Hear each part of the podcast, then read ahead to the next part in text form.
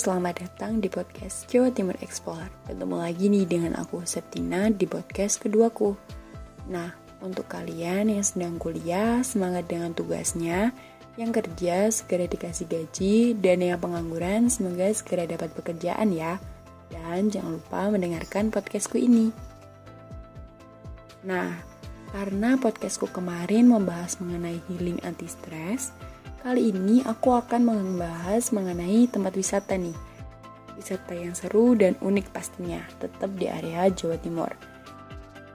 Dan buat kalian yang ingin mengacu adrenalin dan suka dengan tantangan, ini adalah podcast yang wajib kalian dengar. Eits, jangan lupa ajak temanmu juga ya. Seperti yang kita tahu bahwa Jawa Timur memiliki banyak banget tempat wisata jadi di sini aku akan ngasih tahu tempat-tempat wisata yang bisa nguji adrenalin kalian semua nih sobat traveler. Oke, sebelum kita mulai destinasinya, aku mau jelasin sedikit pengetahuan nih mengenai apa sih adrenalin itu.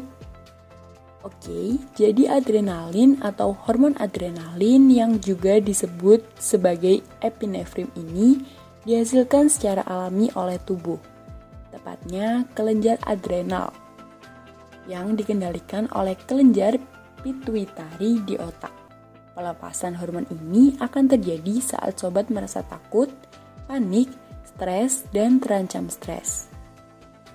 Stres merupakan salah satu kondisi yang dapat meningkatkan produksi hormon adrenalin dalam tubuh Pelepasan hormon ini dapat mempengaruhi daya tahan tubuh dan bagian otak yang mengendalikan suasana hati, rasa takut, motivasi, dan bahkan siklus tidur. Pada kondisi tertentu, adrenalin dibutuhkan oleh tubuh untuk mempertahankan diri. Namun, jika berlebihan, adrenalin juga dapat menyebabkan gangguan kesehatan.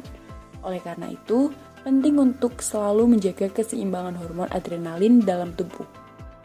Jika sobat mengalami kesulitan dalam mengelola stres yang dapat memicu peningkatan hormon adrenalin atau bahkan kondisi tersebut sudah mengganggu aktivitas Anda sehari-hari, jangan ragu untuk berkonsultasi dengan psikiater agar dapat dilakukan pemeriksaan dan penanganan yang tepat. Jadi menurut aku penting juga ya tantangan adrenalin ini. Menguji adrenalin saat traveling adalah kegemaran para petualang banyak kegiatan yang bisa diikuti untuk menguji keberanian Anda di Traveler. Untuk traveler yang berjiwa petualang, pasti gemar wisata adrenalin. Bayangkan darah Anda mendesir dari ujung kepala sampai ujung kaki. Jantung berdetak kencang melakukan berbagai kegiatan seru. Saat traveling, ada banyak kegiatan yang bisa dilakukan untuk menguras adrenalin. Salah satu kegiatan yang lumrah dilakukan traveler adalah arum jeram. Beruntung, Indonesia punya banyak sungai yang cocok untuk arum jeram. Olahraga rafting atau arum jeram akhir-akhir ini menjadi salah satu pilihan paket wisata Malang yang favorit. Dengan memacu adrenalin saat menyusuri sungai yang cukup deras dan batu-batuan besar menjadi tantangan tersendiri. Ditambah dengan indahnya pemandangan di kanan kiri sepanjang sungai menjadi alasan tersendiri bagi pecinta rafting. Kepuasan batin dan segarnya pikiran bisa menjadi semangat lagi dikala kita kembali ke meja kerja dan aktivitas sehari-hari. Di sisi lain, juga dapat sebagai sarana meningkatkan stamina, keberanian, dan kekompakan nih sahabat traveler. Kondisi sungai yang berarus deras dan topografi sungai yang dikelilingi oleh tebing-tebing curam akan memacu semangat dan mental kita. Salah satu tempat wisata di Malang Batu yang menjadi pilihan adalah rafting Kasebot. Berwisata dengan sedikit bumbu adrenalin bisa terasa menyenangkan jika kita berani melakukannya. Di tempat ini banyak wisatawan yang berkunjung dan ingin merasakan sensasi rafting yang seru dan asik, terutama jika Anda mengajak serta keluarga dan teman-teman. Semakin ramai orang yang Anda ajak, maka pengalaman yang akan Anda dapatkan semakin seru dan tak terlupakan. Saat sobat memasuki kawasan Kasembon Rafting, sobat bisa menyaksikan pemandangan alam yang indah dan hijau, dengan pepohonan dan tumbuhan lain yang tumbuh subur di sekitar area rafting. Dengan panjang jalur rafting sepanjang 7,5 km, sobat bisa menempuh perjalanan selama kurang lebih 2 jam. Selain rafting yang bisa diburu oleh para pengunjung, di sana ada juga wahana outbound yang bisa menjadi pilihan seru untuk menghabiskan waktu di sana. Kasembon ini memang sangat cocok untuk Anda yang ingin menghabiskan waktu dengan melakukan berbagai kegiatan yang menyenangkan. Selain itu, suasananya yang adem dan sejuk bisa menyegarkan pikiran kita dari rasa jenuh dan stres yang melanda sehari-hari. Dengan pengelolaan yang baik, kita bisa menemukan fasilitas-fasilitas penunjang yang lumayan lengkap di objek wisata ini loh. Seperti penginapan, toilet umum, kantin, lahar parkir, tempat camping, dan masih banyak lagi.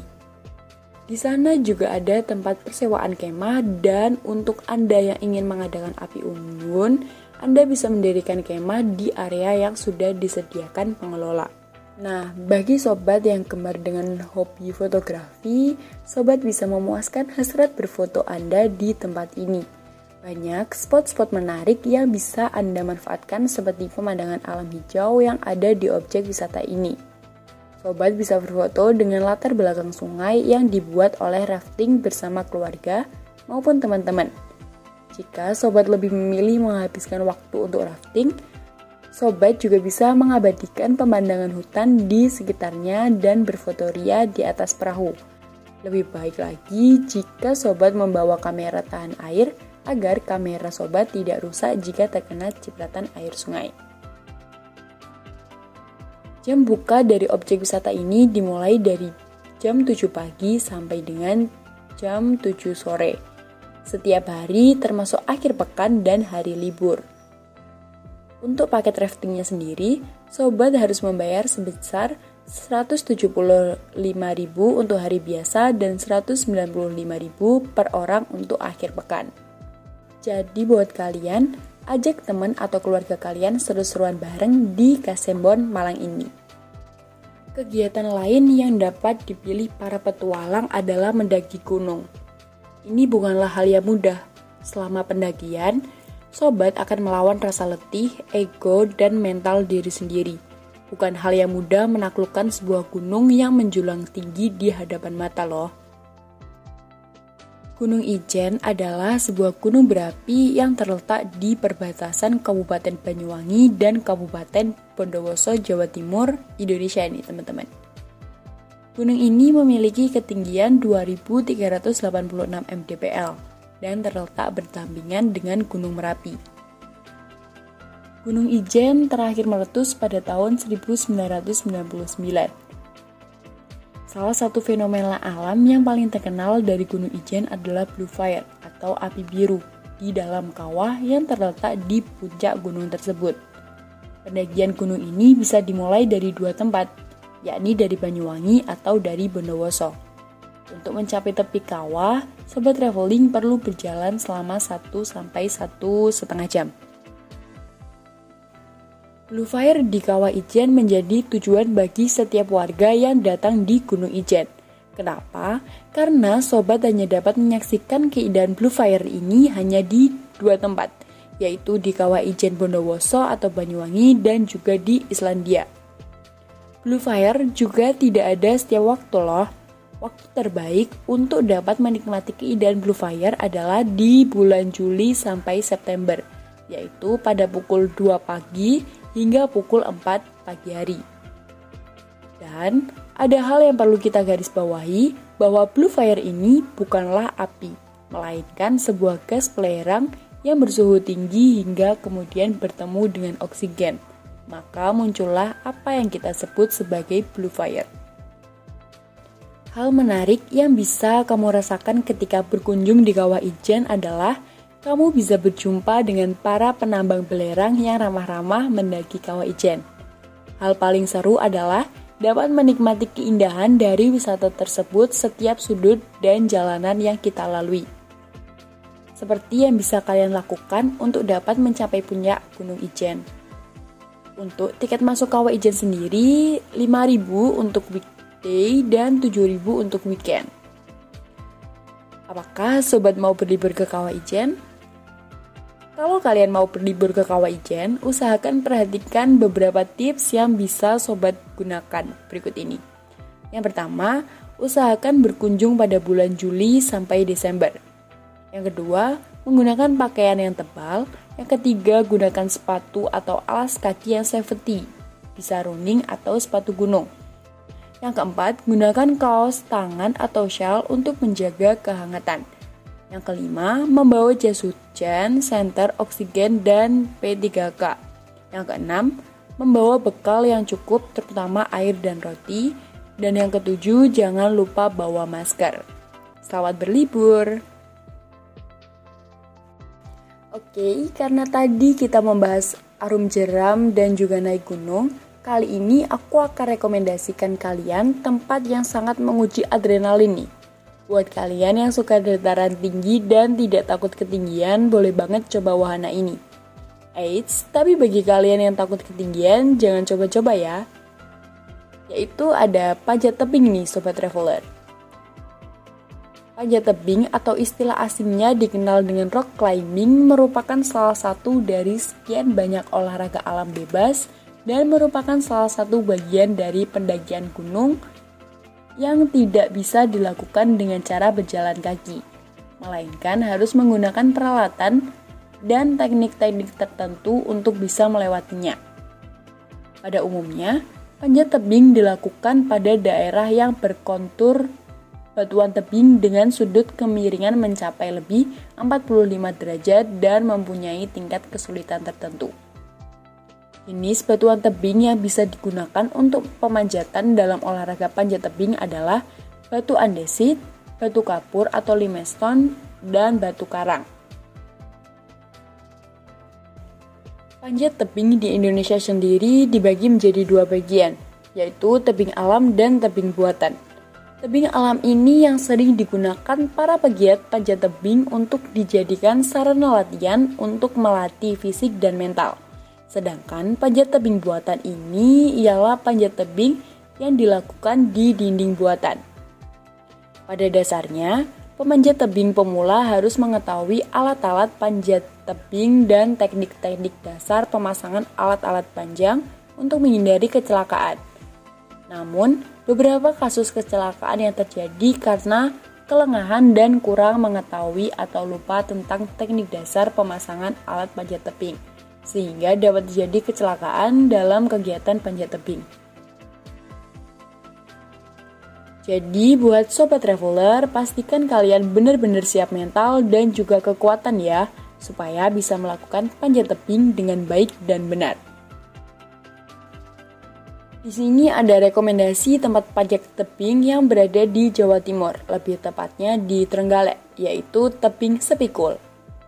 Tebing Sepikul merupakan tebing tertinggi di Jawa Timur yang kini menjadi salah satu objek wisata panjat tebing di kota Trenggalek, tepatnya di desa Watu Agung, Kabupaten Watulimo. Ketinggian tebingnya yang mencapai lebih dari 500 mdpl dan karakteristik bebatuannya yang berjenis andesit memberikan tingkat kesulitan tersendiri bagi para pemanjat. Tebing Spikul diklaim sebagai tebing tertinggi di Jawa Timur yang memiliki bebatuan yang sangat bagus, serta panorama alam yang terhampar indah saat dilihat dari ketinggian tebing. Federasi Panjat Tebing Indonesia dan berbagai komunitas pecinta alam se-Jawa Timur kerap mengadakan pengibaran bendera merah putih pada hari kemerdekaan Indonesia di tempat ini. Karena itu, tebing Spikul berada di urutan pertama untuk kategori panjat tebing paling seru sekaligus menegangkan se-Jawa Timur. Tebing Spikul mempunyai 8 jalur permanen, dua di antaranya jalur tertinggi dengan tingkat kesulitan ekstrim. Jadi, untuk rekomendasiku kali ini disarankan datang dengan komunitas dan yang sudah berpengalaman ya. Jangan pernah lakukan sendirian tanpa pengawasan. Karena olahraga ini termasuk sangat berat dan beresiko lengah dikit bisa jatuh ke bawah. Meskipun ada alat pelindung, tapi lebih baik latih fisik kalian dulu ya. Nah, tidak terasa udah mau di penghujung acara nih. Bagaimana? Apakah kalian udah menemukan referensi mau liburan ke mana setelah aku jelasin dan kasih rekomendasi tempat wisata yang mengacu adrenalin? Tidak usah terlalu lama, cepat agendakan dengan teman atau keluargamu untuk pergi liburan agar tidak terlalu stres dan kembali fresh seperti semula. Oke, itu dulu rekomendasi tempat unik yang mengacu adrenalin kalian. Tetap stay tune di podcastku berikutnya ya. So pasti akan aku jelaskan destinasi tempat indah dan hits di Jawa Timur. Aku Septina pamit undur diri. Salam traveler, salam jiwa muda.